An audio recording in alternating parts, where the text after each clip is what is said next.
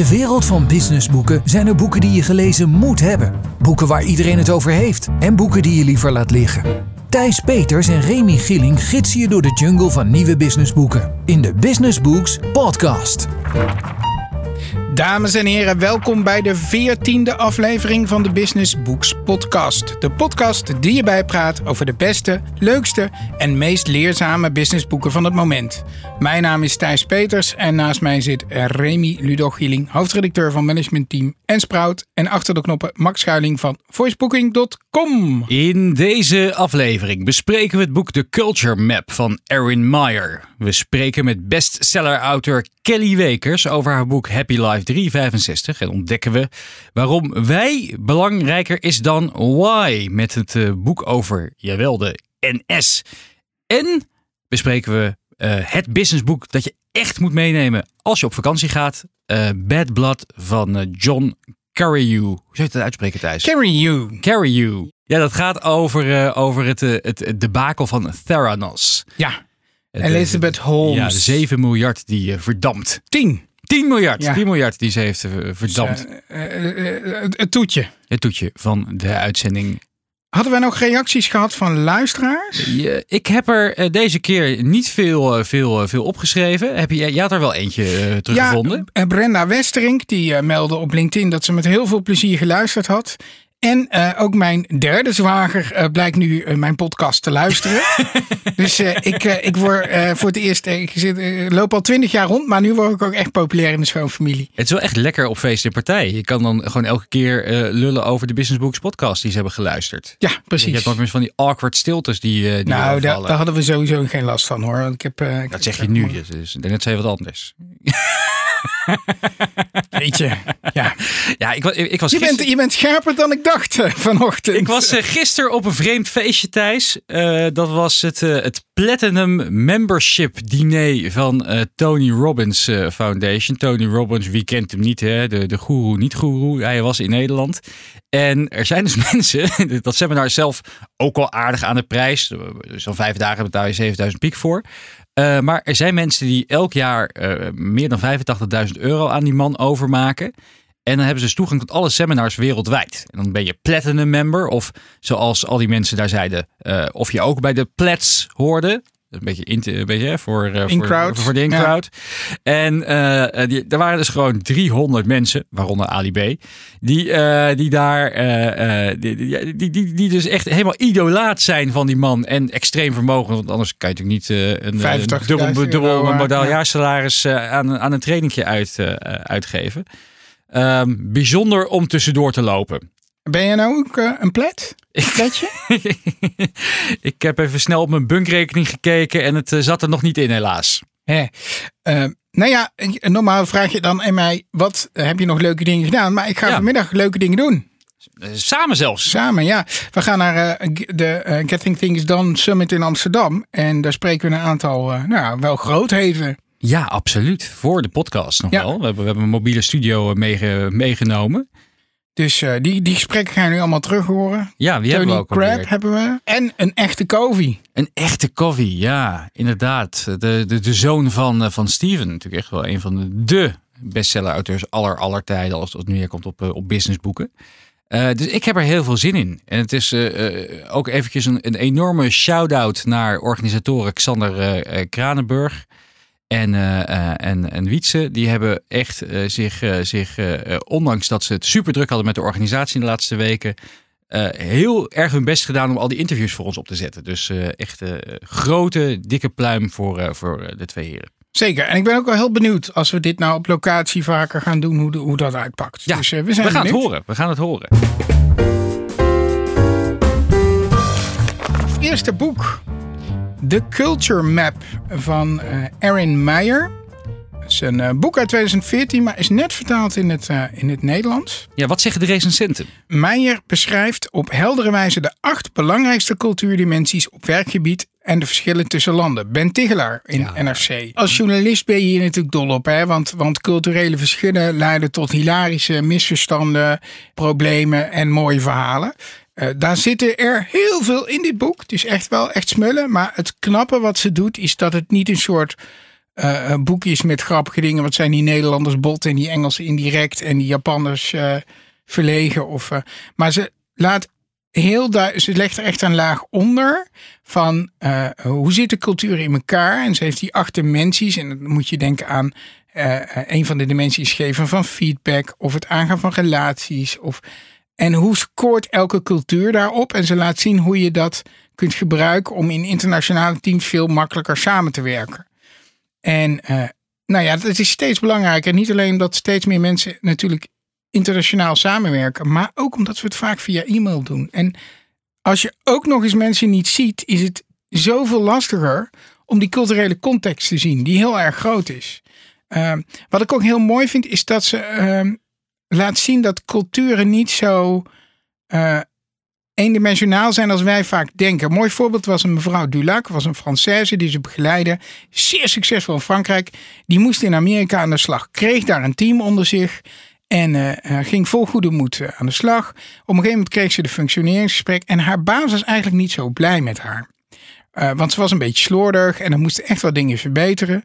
En nou, het functioneringsgesprek was geweest. Toen heeft die Amerikaanse baas, heeft Aaron Meyer gebeld van ik heb een probleem. Ik heb haar verteld hoe het zit, maar het komt allemaal maar niet over. En, uh, en uh, Meijer heeft, die traint heel veel bedrijven in dit soort zaken. Dus die wist meteen wat er aan de hand was. Amerikanen zijn low context communicators. Alles wordt heel makkelijk en in den treuren uitgelegd. Nou, dat, dat zie je ook aan de Amerikaanse businessboeken natuurlijk.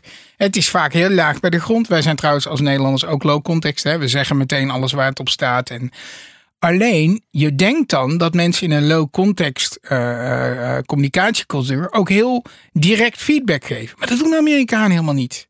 Amerikanen die geven eerst drie complimenten als ze één negatief ding willen zeggen. Frankrijk, dat is een high context culture. Dan moet je als je een gesprek hebt heel veel tussen de regels doorlezen. Of, zoals de Japanners dat uh, zeggen, vond ik een mooie uitdrukking uit het boek, de lucht lezen. Maar ze zijn heel direct in hun negatieve feedback. en dus toen die Amerikaanse manager die dame had gezegd van uh, je doet dit goed en dat goed en dat goed, maar daar moeten we toch een beetje. Toen zij gebeld werd door mij, hè, die, toen zei ze van ja, het gaat fantastisch, een fantastisch team en, en mijn baas is ook helemaal weg van me. Omdat ze in Frankrijk gewend was, als ze al iets niet goed deed, dan kreeg ze dat meteen boom te horen. Nou, en zo, zijn er heel veel voorbeelden, ook uit haar eigen praktijk. Uh, bijvoorbeeld dat ze een China-deskundige nodig heeft. En uh, daar heeft ze gevraagd: kun jij een aantal mooie voorbeelden verzinnen van uh, bedrijfssituaties? En ze zit daar met een raad van bestuur en die gaat ze trainen. En die meneer Bo Chen zit erbij en die zegt niks.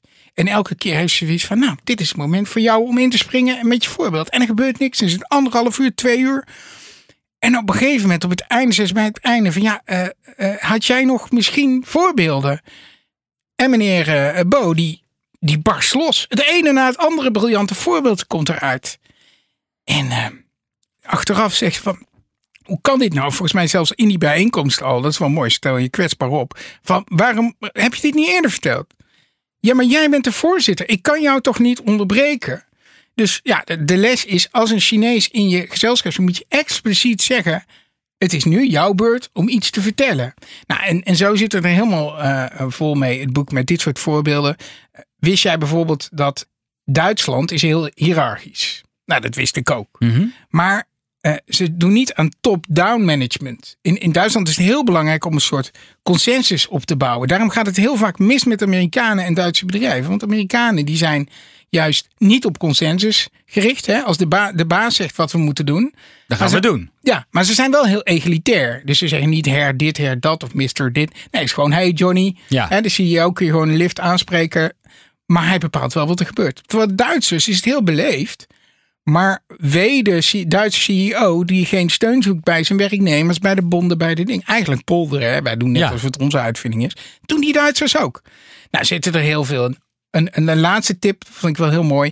Eh, al die etentjes. Wij vinden als Nederlanders altijd, altijd gelul. En dan moet je, eh, moet je uit eten. Moet je in Spanje moet je eh, drie, vier uur drinken en eten met mensen. En in China moet je echt vijf dagen al- alcohol tot je nemen en het niet over werk hebben. En zij legt ook uit maar hoe dat komt. Kijk, als je in Nederland zaken, als ik zaken met jou wil doen, dan maken we een afspraak, zetten we een contractje en dan is het goed. En dan kan ik erop vertrouwen dat jij je werk doet. Maar zo werkt het in de meeste landen niet. Daar moet gewoon persoon, moet je een persoonlijke band hebben. Wil ik jou kunnen vertrouwen? Wil ik jou geld durven geven? Dus dat scheiden tussen zakelijk en privé, dat is heel iets van ons en van Amerikanen. Maar in veel andere culturen, daar durven ze niet aan. Want ze kun, je kunt geen zaken doen als je elkaar niet vertrouwt, als je geen vrienden bent. Voor wie is dit boek? Ja, voor iedereen uh, die met mensen uit andere culturen werkt. Uh, het is echt, ik vond het echt wel een eye-opener, want het is geen verzameling aan leuke anekdotes. Maar als je dit boek leest, dan word je echt bewust van dingen, van je eigen gedrag, van het gedrag van anderen. Um, dus ja, uh, voor, voor, voor ieder eigenlijk, wie werkt er nog alleen in Nederland? Dat zijn niet meer zoveel mensen, denk ik. Cadeautje, kopen? Ik zou, als je zelf in een bedrijf werkt, zeker als je een team hebt met veel internationale mensen, of je moet samenwerken met een team, softwareontwikkelteam in India, koop dit boek en geef het cadeau aan je hele team. Want dan heb je de helft van het werk al gedaan. Want is iedereen zich ineens bewust van de culturele verschillen en dat we daar misschien een beetje rekening mee moeten houden? En tot slot, waar moet je het lezen? Wanneer moet je het lezen? Uh, als, als je nu al internationaal opereert en je merkt een beetje wrijving, ga het meteen lezen. Uh, anders is het, het is ook wel een goed geschreven boek. Kan ook prima op vakantie.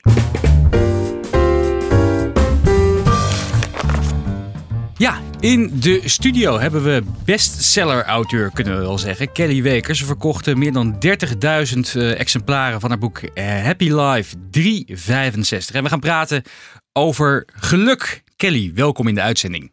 Dankjewel, dankjewel. Ja, het is een grote stap natuurlijk van RTL Boulevard naar de Business Books podcast. nou, dat vind ik wel. Ik vind het heel leuk om erbij te zijn. ja, gaaf. Hey, ons brein is niet bedoeld om ons gelukkig te maken, schrijf je in je boek. Kan je dat uitleggen?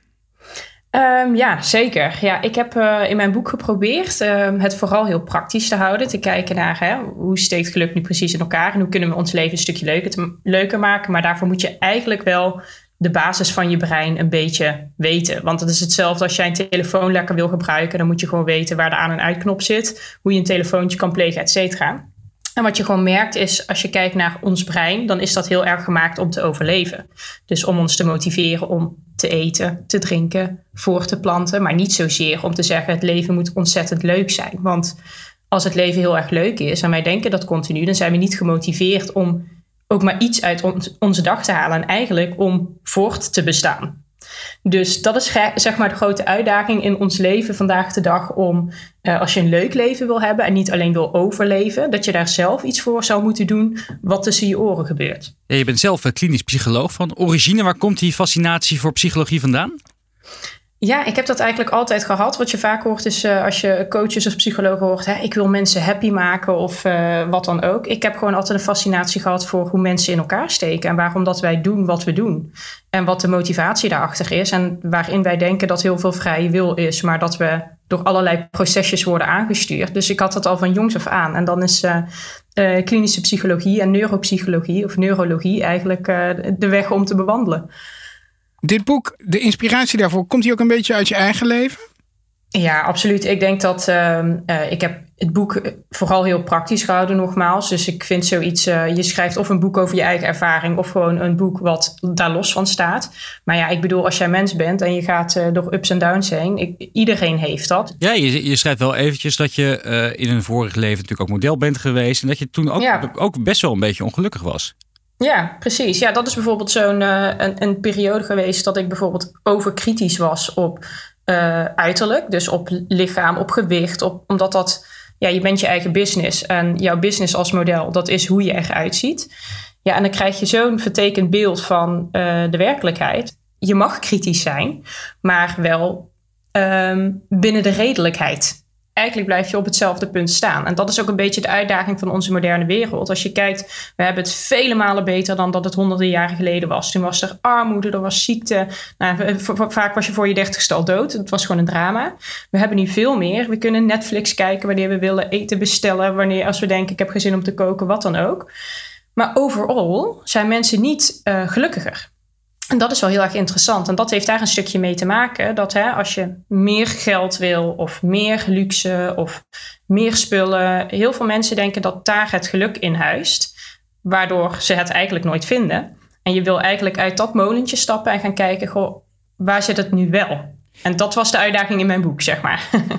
En hoe moet je dat doen? Sommige mensen gaan naar een klooster in eh, Portugal om, uh, om dat in te zetten. Uh, maar hoe, hoe zou jij dat doen? Of hoe heb jij dat gedaan? Ja ik, ja, ik ben daar altijd een beetje te nuchter voor. Dan denk ik, ja, weet je, dat is wel heel erg makkelijk om te ontkoppelen als je een week ergens gaat zennen in uh, Ibiza een retreat. En dan denk ik, kom je weer terug en val je weer in dezelfde shit. En dan is het weer gewoon meer van hetzelfde. Dus ik denk dat het uh, vooral de kunst is om het in je dagelijks leven te gaan toepassen. En ik denk dat uh, een stukje persoonlijke ontwikkeling, wat ik ook heb gedaan, gewoon inzicht te verkrijgen in hoe je zelf werkt, dat dat je heel erg gaat helpen. En met kleine dingen benoem ik bijvoorbeeld al in mijn boek, wat ik heel erg heb gemerkt is dat mensen vaak met hele complexe dingen bij mij komen, zakelijk of privé. En als we dan gewoon gaan kijken, nou, wat zijn nu de tien dingen waar jij heel erg gelukkig van wordt? Ja, dan noemen die mensen bijna altijd echt de meest simpele dingen als een terrasje met een vriend, hè, een bioscoopje pakken, uh, tijd met mijn kinderen, uh, uh, een, een dagje weg, weet ik veel. Allemaal dingen die je heel makkelijk zelf toe kan passen en heel makkelijk meer in je agenda zou kunnen stoppen om je leven een stuk leuker te maken. En juist wat andere dingen eruit te halen die je helemaal geen energie geven. Dus, maar je boek is dan meer dan 50.000 keer verkocht bijna. Ja, ja. gemiddeld doet zo'n boek uh, in Nederland 1200 keer, weet ik van uitgevers. Um, mm -hmm. Wat is je geheim? Wat is zo aantrekkelijk aan dit boek? Dat ja. iedereen het massaal uit uh, de Aken of de Bruna haalt. Ja, ja, ja, mooie vraag. Dat heb ik me ook wel uh, deels afgevraagd. Ik denk wel, kijk, het thema is hot. Weet je, als we het hebben over geluk of succes, dat zijn dingen die vandaag de dag spelen. We zijn toch best wel allemaal bezig met hoe kan ik zelf groeien en persoonlijke ontwikkeling. Dus het thema is een schot in de roos. Ik denk wat ik heel erg heb geprobeerd en wat ik persoonlijk miste, is het juist heel erg simpel te houden. Ik hoor wel eens van mensen dat ze zeggen: Oh ja, het boek was wel simpel. Of hè, er staat herhaling in. Mm -hmm. Maar uiteindelijk Um, wat ik altijd zeg, common sense is not common practice. Dat we iets weten, betekent nog niet dat we het ook daadwerkelijk toepassen en zo doen. Dus het boek is gewoon een, een simpele manier om uh, je leven een stuk leuker te maken door anders met stress om te gaan, anders met piekeren om te gaan, anders met negativiteit om te gaan en meer bewust te gaan genieten van de leuke dingen die ook in je dag zitten. Ik kan mij voorstellen dat, veel mensen uh, denken waarom ben ik eigenlijk niet gelukkig? Want ik heb een goede baan en ik heb een gezin en ik heb een auto. Ik ga vijf keer per jaar op vakantie. En uh, uh, dat ze het heel erg aan zichzelf wijten. Hè? -hmm. uh, maar wat is geluk? Dat is eigenlijk een hele fundamentele vraag die volgens mij mensen. Ja, ja en ik denk dat dat, dat blijft altijd een beetje een lastige vraag. Hetzelfde als wat is succes, omdat dat natuurlijk heel erg persoonlijk is. En ik denk dat daar misschien ook meteen het probleem huist, is dat wij naar andere mensen kijken en denken wat hen gelukkig maakt, dat zou mij dan ook gelukkig moeten maken. Dus als een ander huisje, boompje, beestje heeft en ik heb dat ook niet met op een bepaald moment, dan ben ik dus ongelukkig of wat dan ook. En ik denk dat met geluk, net als met succes is, je moet zelf gaan kijken wat zijn de dingen die ik belangrijk vind en je leven daarop in gaan richten, want er zijn echt duizend manieren om dat te doen. En hoe ik happy ben, wil niet zeggen dat dat jou ook gelukkig gaat maken of de buurman gelukkig gaat maken. En nou, hoe ik het globaal heb willen samenvatten, is dat het eigenlijk uh, uh, geluk de mogelijkheid is dat je heel goed kan focussen op wat voor jou belangrijk is en het makkelijk al het andere los kan laten. Wat, wat is het boek waar je nu in bezig bent? Uh, nou, ik heb net eigenlijk de tweede gelezen van Mark Manson. Everything is fucked. dat is uh, de opvolger. hij, heeft wel, wat, hij heeft wel wat met het woord fuck, hè? Over, ja. over gooit hij het weer uh, Nou ja, als je het dan over marketing en strategie hebt... dan is dat dus een hele slimme. Want hele dat goeie. verkoopt lekker, zo'n zo'n cover. Maar, Misschien goed voor je volgende boek, Happy Life is fucked. Fuck, ja, fuck happy life. Boeien, we zetten er gewoon vak op en dan zien we wel wat er gebeurt. Kelly, mogen we je hartelijk danken voor al je tijd en inzichten vandaag voor de podcast. Nou, superleuk. Dank voor de uitnodiging. Ja, we kijken uit naar je volgende boek. Dan gaan we naar het derde boek. Wij is belangrijker dan why. Ja, een beetje een dubieuze titel. En ik denk dat de luisteraar misschien ook wel denkt... waarom in godsnaam bespreken jullie in mijn uh, schaarse tijd... Uh, een boek over de fucking NS? Maar uh, ik ben verrast door dit boek. Uh, het is natuurlijk een complexe organisatie. 22.000 mensen werken er. En ze moeten elke dag 1 miljoen, 1,5 miljoen reizigers vervoeren. Ontzettend groot, groot bedrijf. En ze wilden dat de NS weer een geliefd merk zou worden. Wat ze bijvoorbeeld hadden, is uh, ze wisten niet hoeveel projecten ze eigenlijk aan het doen waren met die hele organisatie. Dus ze zijn eerst in kaart gaan brengen hoeveel hebben we er eigenlijk. Zijn dat er 200, zijn dat er 1000, zijn dat er 5000? Nou, het bleek ongeveer 750 projecten te zijn uh, die er liepen om dingen te verbeteren, om de organisatie draaiend te houden. En uh, ze zijn dus begonnen met een inventarisatie te maken. En uh, uh, ook gewoon te kijken, oké, welke projecten zijn dat? En kunnen we die ook eerst eens gaan afronden voordat we weer allemaal nieuwe initiatieven beginnen? Dus daar zijn heel hard mee bezig gegaan en hebben die lijst nu tot van 750 teruggebracht naar, naar ik geloof 175. Dus ze zijn eerst begonnen met dingen afmaken. Wat ze daar bijvoorbeeld tegenkwamen, is dat de klantenservice heel slecht werd beoordeeld. Specifiek bleek op de maandagochtend zijn ze gaan induiken. Waarom is dat? Waarom wordt elke keer, zijn mensen ontevreden op die maandag? Nou, wat was er nou? Uh, uh, op de maandag hadden de medewerkers nog een hele bak werk van het weekend wat ze moesten wegwerken. En dat kregen ze maar niet gedaan. Dus als er dan nieuwe vragen bij kwamen, werden die veel te laat, uh, traag, onaardig behandeld. Nou, klein, simpele oplossing. Zorg dat er iets meer, dat, dat er wat meer mensen zijn in het weekend om die dingen op te lossen. Of op de maandag. Dus de klantenservice ging omhoog.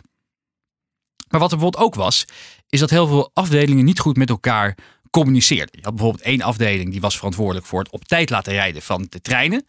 En de andere afdeling was verantwoordelijk voor het schoonmaken van de treinen. Want schone treinen zijn blijkbaar heel belangrijk voor het reizigersgeluk. Ik, uh, dat, dat, dat, dat, dat, dat, dat moet ik maar even van ze aannemen. Nou, maar aannemen. Ik weet, dan kom je zo'n coupé binnen en dan Overal ligt er zo'n plas koffie en, onder, ja, je stoel, onder de enige vrije stoel waar ja, niemand ja. is gaan zitten. Komt minder voor misschien, maar dat, ik, het is Als je het ziet, is het een heel vervelend. Nou goed, en de, de, de, de schoonmaakafdeling zei dus ja, we hebben te weinig tijd eh, om die dingen schoon te maken. Dus je, eh, laat die trein wat langer op het perron stilstaan. Eh, dan, eh, dan, dan kunnen we hem beter schoonmaken. En die mensen van de afdeling de trein op tijd laten rijden. Die hadden zoiets van ja, wat een stupide vraag. We moeten die treinen zoveel mogelijk de rails op, op hebben. Dat kan helemaal niet. Het is gewoon veel te duur. Dan moeten we namelijk meer treinen, machinisten, operatie inzetten. Nou, die zijn, uiteindelijk een keer samen aan tafel gaan zitten. en wat bleek, als ze nou de treinen inderdaad, als ze nou bijvoorbeeld gingen schoonmaken tijdens het rijden, dat kostte wel iets meer organisatie voor de schoonmaakafdeling, maar dus rijdende treinen schoonmaken, dan was een groot deel van het probleem opgelost. En eh, eh, zo staat het boek vol met allemaal grappige anekdotes eh, over, over hoe ze steeds meer weer tegen kleine ergernissen aankwamen, waardoor die reiziger elke keer zo gefrustreerd was. En hoe ze dat met, met, met, met, met gewoon een, een ontzettend goeie, goed uitdoordacht plan hebben opgepakt. Voor wie is dit boek? Nou, iedereen die met de trein reist, dat, eh, eh, het geeft je gewoon eh, veel meer waardering eigenlijk wat er allemaal voor, voor, voor logistieke hel aan vooraf gaat dat jij op tijd op je werk komt elke dag. Dus ik vind het, het, is bijna een, een, een, een, een eerbetoon om het een keertje in, in de trein te lezen. Ik wou zeggen wanneer, maar je zegt in de trein. in de trein. Je moet Ja, ook echt ja? in de trein lezen.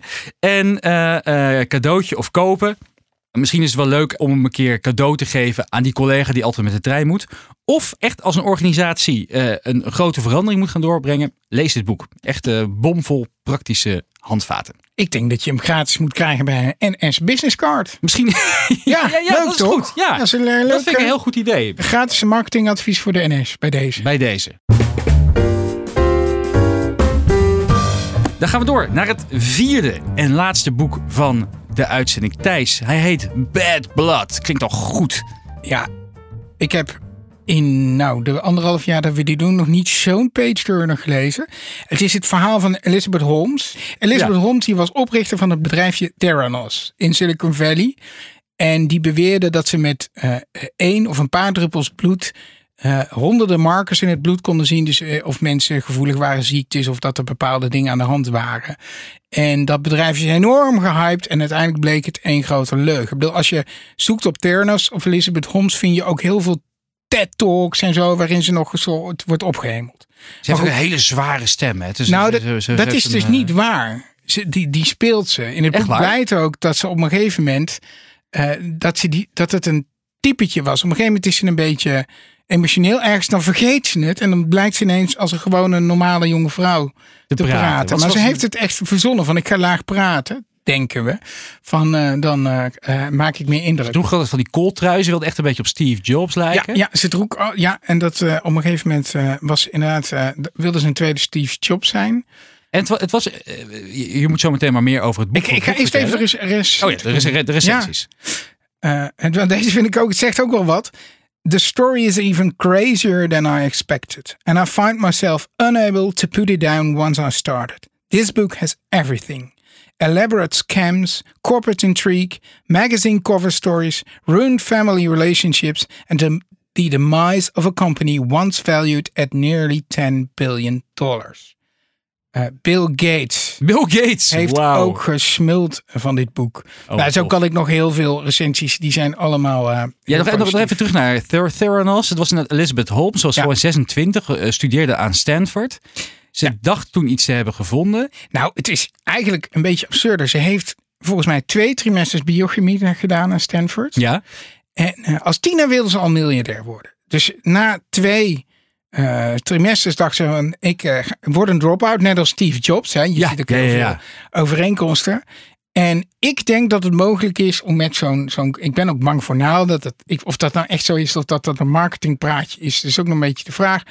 Eh, maar als we dat kunnen doen, nou, dan kunnen we de wereld redden en dan kunnen we heel veel mensen preventief, en die kunnen dan thuis op een apparaatje hun bloed testen, heel veel ziektes preventief vinden. En, en wat zij dus eigenlijk deed, was iets wat heel succesvol is in de softwaremarkt en met heel veel start-ups. Fake it till you make it. Dus je zegt dat je het kan, je kan het eigenlijk nog niet. En dan neem je heel veel mensen aan, heel veel investeerders erbij. En dan lukt het wel. En dat kun je natuurlijk wel doen als je een app maakt. Is natuurlijk vervelend als het mislukt en je hoopt ver, ver- verbrandt een hoop geld. Maar als jij beweert dat je kunt vertellen of mensen HIV hebben of te weinig eh, of suikerziekte of weet ik wat, dat is nogal wat. Ja, want dan, ze hadden op een gegeven moment ook van die testen gedaan. Om te, Ja, om te, ze hadden- om te ze- bewijzen dat het werkt. Die bleken Ja. gewoon op de traditionele manier te zijn achterhaald. Dat, Ze hadden een heel mooi boxje ontwerpen, à la Apple, glimmend zwart-wit of zo. Ja. Toen hadden ze contracten met CV gesloten, supermarktketen, maar vooral Walgreens, die had aparte ruimtes ingericht waar zo'n apparaatje stond en daar werd dan bloed afgenomen. En officieel was het dan met één vinger prik, maar eh, ja, het was nog niet helemaal uitontwikkeld, dus ze moeten ook gewoon in een buisje bloed afnemen. En dan zouden mensen de uitslag krijgen. Maar die apparaten die konden eigenlijk nu niet zoveel. die deden gewoon niks. Eh, nou, bijna niks. Er konden een paar dingen, maar de foutmarge was enorm groot. Dus wat ze toen gedacht hebben, nou weet je wat, we gaan dat bloed, gaan we dan, eh, dat was, eh, de test was in Arizona, die vliegen we dan naar Silicon Valley en gaan we bij ons bedrijf thuis testen. En ze hadden dus een lab waar hun eigen machines stonden, wat ze aan de buitenwereld lieten zien, wat ze aan de Clintons hebben laten zien en zo. En ze hadden een geheim lab, min of meer geheim, eh, waar gewoon Siemens apparatuur stond en zo. gewoon voor de concurrentie, waar ze de echte dingen op deden. En eh, er werkten echt heel veel goede wetenschappers. En eh, eh, die probeerden het apparaat wel beter te maken, maar de foutmarge bleef gewoon heel groot. Het was eigenlijk gewoon onmogelijk. Wat ze beloofden was niet te doen. Nee, en dat werd niet door haar geaccepteerd. En ook niet door haar 20-jarige, eh 20 jaar oudere vriend Sunny, een Indiër. Die ooit wat geld had verdiend in eh, software en foute kettingen droeg. En, Dat, dat bleek pas later. Hè? Die zat ook in de boord op een gegeven ja, moment. ja, ja, ja, ja. En haar broertje ook, met zijn vrienden. Dat noemden ze de Fred Pack. En die, die, die Fred Pack en die Sunny terroriseerden de mensen daar. Als die wetenschappers zeiden van ja, ik maakte me toch wel zorgen. Want eh, eh, als we deze test eh, mensen echt laten testen, dit werkt gewoon niet. Nou, dan werden ze of doodgezwegen of ontslagen. En iedereen die ontslagen werd, werd meteen een eh, bak advocaten opgezet. Want het mocht, ze mochten maar niks negatiefs over het bedrijf zeggen. En uiteindelijk heeft hij gepraat met deze journalist, John Carreyrou. En die heeft het hele verhaal een beetje aan het rollen gebracht. Die is met huisartsen gaan praten in Arizona. Die patiënten hadden gehad die hun bloed hadden laten testen bij Walgreens. En daarna het bloed, hè, die kwamen bezorgd bij een dokter. Oh, ik heb dit en dat. Nou, die dokter liet het daarna nog weer testen bij een gewone lab. Was er niks aan de hand. En toen is die Carreyrou samen met die dokter zijn eigen bloed ook laten testen. En uit die testen van... eh, van Theranos kwam dan ook dat hij iets had of, eh, of iets, wel iets had en dat bleek niet uit de testen, weet je wel. Dus, eh, en hij is dat verhaal gaan uitzoeken. Hij is ook echt, advocaten hebben hem vuur aan de schenen gelegd. Eh, Holmes heeft ook gebeld met, eh, hoe heet de, de, de eigenaar van de Wall Street Journal, weet je nou, die Australische Oh, Rupert Murdoch Ja, ja, Rupert Murdoch. om hem onder druk te zetten. Dat, deze journalist, dat verhaal, dat mag niet live en het klopt niet en bla bla bla bla. Nou, uiteindelijk is dat dus wel gelukt. Overigens heb in het begin beloofd. Op een gegeven moment is hij zover met zijn verhaal dat het bekend raakt. En er wordt binnen het bedrijf gezegd, je mag nooit met carry you praten. En op een gegeven moment worden alle mensen in het bedrijf in de aula verzameld. En dan wordt er onder het van die Sunny, die vriend van Homs, wordt er een slogan geroepen. Fuck you, carry you, fuck you, carry you. Weet je is een soort bijna sectarische uh, dingen die daar gebeuren. Maar uiteindelijk uh, nee, uh, gaat dus Wall Street Journal als eerste het verhaal publiceren dat het eigenlijk allemaal doorgestoken kaart is. En, uh, er is ook een enorme rechtszaak tegen haar gaande. Hè? Ja, ze is nog. Het wat wel een beetje. Ze loopt nog steeds vrij. Dat is wel echt. Als je dit boek leest en je beseft dat zij die echt toch ook wel een beetje gespeeld heeft met de gezondheid van mensen, met haar eigen ambitie. Hè? Ik denk dat ze wel begonnen is vanuit een soort uh, dat ze mensen wilde helpen, maar totale grootheidswaanzin kreeg. En uh, nou, dat heeft. Uh, gelukkig is het net op tijd door de mand gevallen. Maar het is wel echt gevaarlijk wat ze gedaan heeft. Dat zij nog steeds vrij rondloopt. Dat is op zich wel ernstig. Ze overigens onderborgd Ik geloof dat er nu wel een gevangenisstraf van 20 jaar ja. boven haar hoofd hangt. Fraude.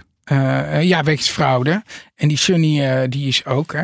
Zij heeft op het einde trouwens nog wel, nadat die publicatie kwamen, die Sunny ontslagen en uh, erop gegooid. Van ja, hij, als, was, hij was de boosdoener. Ja, en als je een succesvolle jonge vrouw wordt, dan word je altijd neergeschabeld. Maar nou, dat, werd, dat sprookje werd al snel ook wel doorgeprikt. Ja. En nou, toen is hij net een hele. Ja, in, in, dit geval wel. In hele korte tijd is, is nou ja, 10 miljard dollar aan kapitaal. fictieve beurswaarde verdampt. En natuurlijk is er heel veel kapitaal van investeerders gewoon weggegaan. Thijs, voor wie is dit boek? Ja, voor iedereen die graag boeken leest. Lees je graag boeken? Of uh, misdaadromans, ja. want het is gewoon echt... Uh, uh, ja, het boek wordt niet voor niks verfilmd, weet je wel. Het is gewoon, ja. het is een... Na een billion dollar whale kan je hier echt... Ik, deze is nog, nog smakelijker. Nog smakelijker ja, omdat, dan een billion dollar ja, whale. En dat is ook een fantastisch boek. Maar dit, ik vind deze is nog net wat beter geschreven. Komt vooral omdat dit zo'n emotioneel onderwerp is, gezondheid. Hè? En de Ja. andere gaat over finance. Dus dan moet je even door de saaie financiële stroom heen. Ook topboek hoor. Ook Wall Street Journal trouwens. Eh, voor, eh, voor wie? Eh, wanneer moet je het lezen? Ja, op vakantie, in de hangmat. Ja, dit is, dit is gewoon leuk om te lezen. Ik moet hem weet mee je naar wel. Bali nemen. Of, je nou Tom Clancy leest of dit. En dit, dit is eigenlijk nog raar, gekker. Dus ja, Eh, cadeautje kopen, kopen dus gewoon. ja, Kopen als je hem ziet liggen. Bad Blood. bad blood. Tips from around the web. Ben jij nog wat tegengekomen wat de luisteraars moeten lezen op het internet? Of kijken, of zien, of Ik, horen? ik, ik moest heel erg lachen. Ik las een artikel in het FD. Mhm. En het ging over eh, elektrische stepjes in Parijs. Waar jij het de vorige keer Ja, over had. ja, ja, Want je had die dingen gegeven. Super enthousiast. Allemaal Ja, eh, start-ups die elektrische deelstepjes doen. Nou, en er staat een vernietigend stuk, volgens mij twee weken terug, of, eh, dus begin juni, over die deelstapjes in Parijs. Want het probleem is, je mag die dingen overal achterlaten. Dus mensen die flikkeren de ding overal op de stoep. Mensen struikelen erover. Die dingen gaan snel kapot. Eh, er, worden, er komen heel veel aanrijdingen met mensen die voetgangers omverrijden en zo. Dus in Parijs is het nu al, wordt er al gepraat om die dingen maar te verbieden. ja, eh, ze, ook- ze hebben ook- ook wel echt hele strenge regels nu ingesteld eh, sinds twee weken terug. En bijvoorbeeld die Philips, hè, die een groot succes waren, dat zijn die deelfietsen. Die Ja. doen het nou veel minder, want iedereen gebruikt Die die, stepjes, ja. Die stepjes. Maar nou ja, ik denk dat dit, als je dat stuk leest, denk ik dat dit de weg van de Segway gaat. Ik, Dus- ik heb ook gewoon dagen alleen maar op die stepjes door die stad ge- ge- Ja. gereden. Dus het is ontzettend leuk. Een beetje tikkeltje gevaarlijk misschien. Eh tikkeltje gevaarlijk. En het is ook wel een voorbeeld van eh, eh, het knuffelen van start-ups. Wat echt vorige verhaal natuurlijk ook een beetje daarover ging. Maar dat mensen denken, oh leuk, milieuvriendelijk, start-up, hip. Dat moeten we toelaten. Ja. En, en dat zoiets dan bijna ontploft. Want zo lang bestaan die dingen nog niet. In een paar maanden is Parijs ontploft met die stepjes. En is het een soort terreur geworden. Ze komen ook naar Nederland. Ik ben benieuwd hoe lang het eh, hier eh, mag blijven bestaan. Maar Ik, vond ik een eh, leuk stuk. Ik heb een op. tip wederom van Follow the Money. Het gaat over deze vrouw. Of eigenlijk niet per se. Het gaat wel over haar. Herken je er nog? Ja, ja, Nina. Nina Brink. Nina Brink, ja. En het, eh, het, het gaat eigenlijk over Victor Halberstad. Dat is een soort hoogleraar die klaarblijkelijk echt in alle toplagen van, eh, van, eh, van, eh, van, van, van, in alle lagen van de wereld top zijn, zijn, zijn netten heeft uitge, uitgezet. En het gaat hierin specifiek over de rol die hij had gehad bij, bij- het, de, beursgang van World Online. En dat heeft die beste man altijd ontkend. Alleen ik denk dat Nina Brink nu wat, dat de relatie met Erik Smit weer wat is, is verbeterd. En dat ze wat e-mails van hem heeft gelekt naar, naar Smit. En daaruit blijkt wel toch dat hij echt een hele grote invloed had gehad op de beursgang destijds. Dus het is een mooie, mooi verhaal. Als je, het is 25 minuten, dus als je eventjes wat, wat tijd te doden hebt, kan ik het zeer aanraden.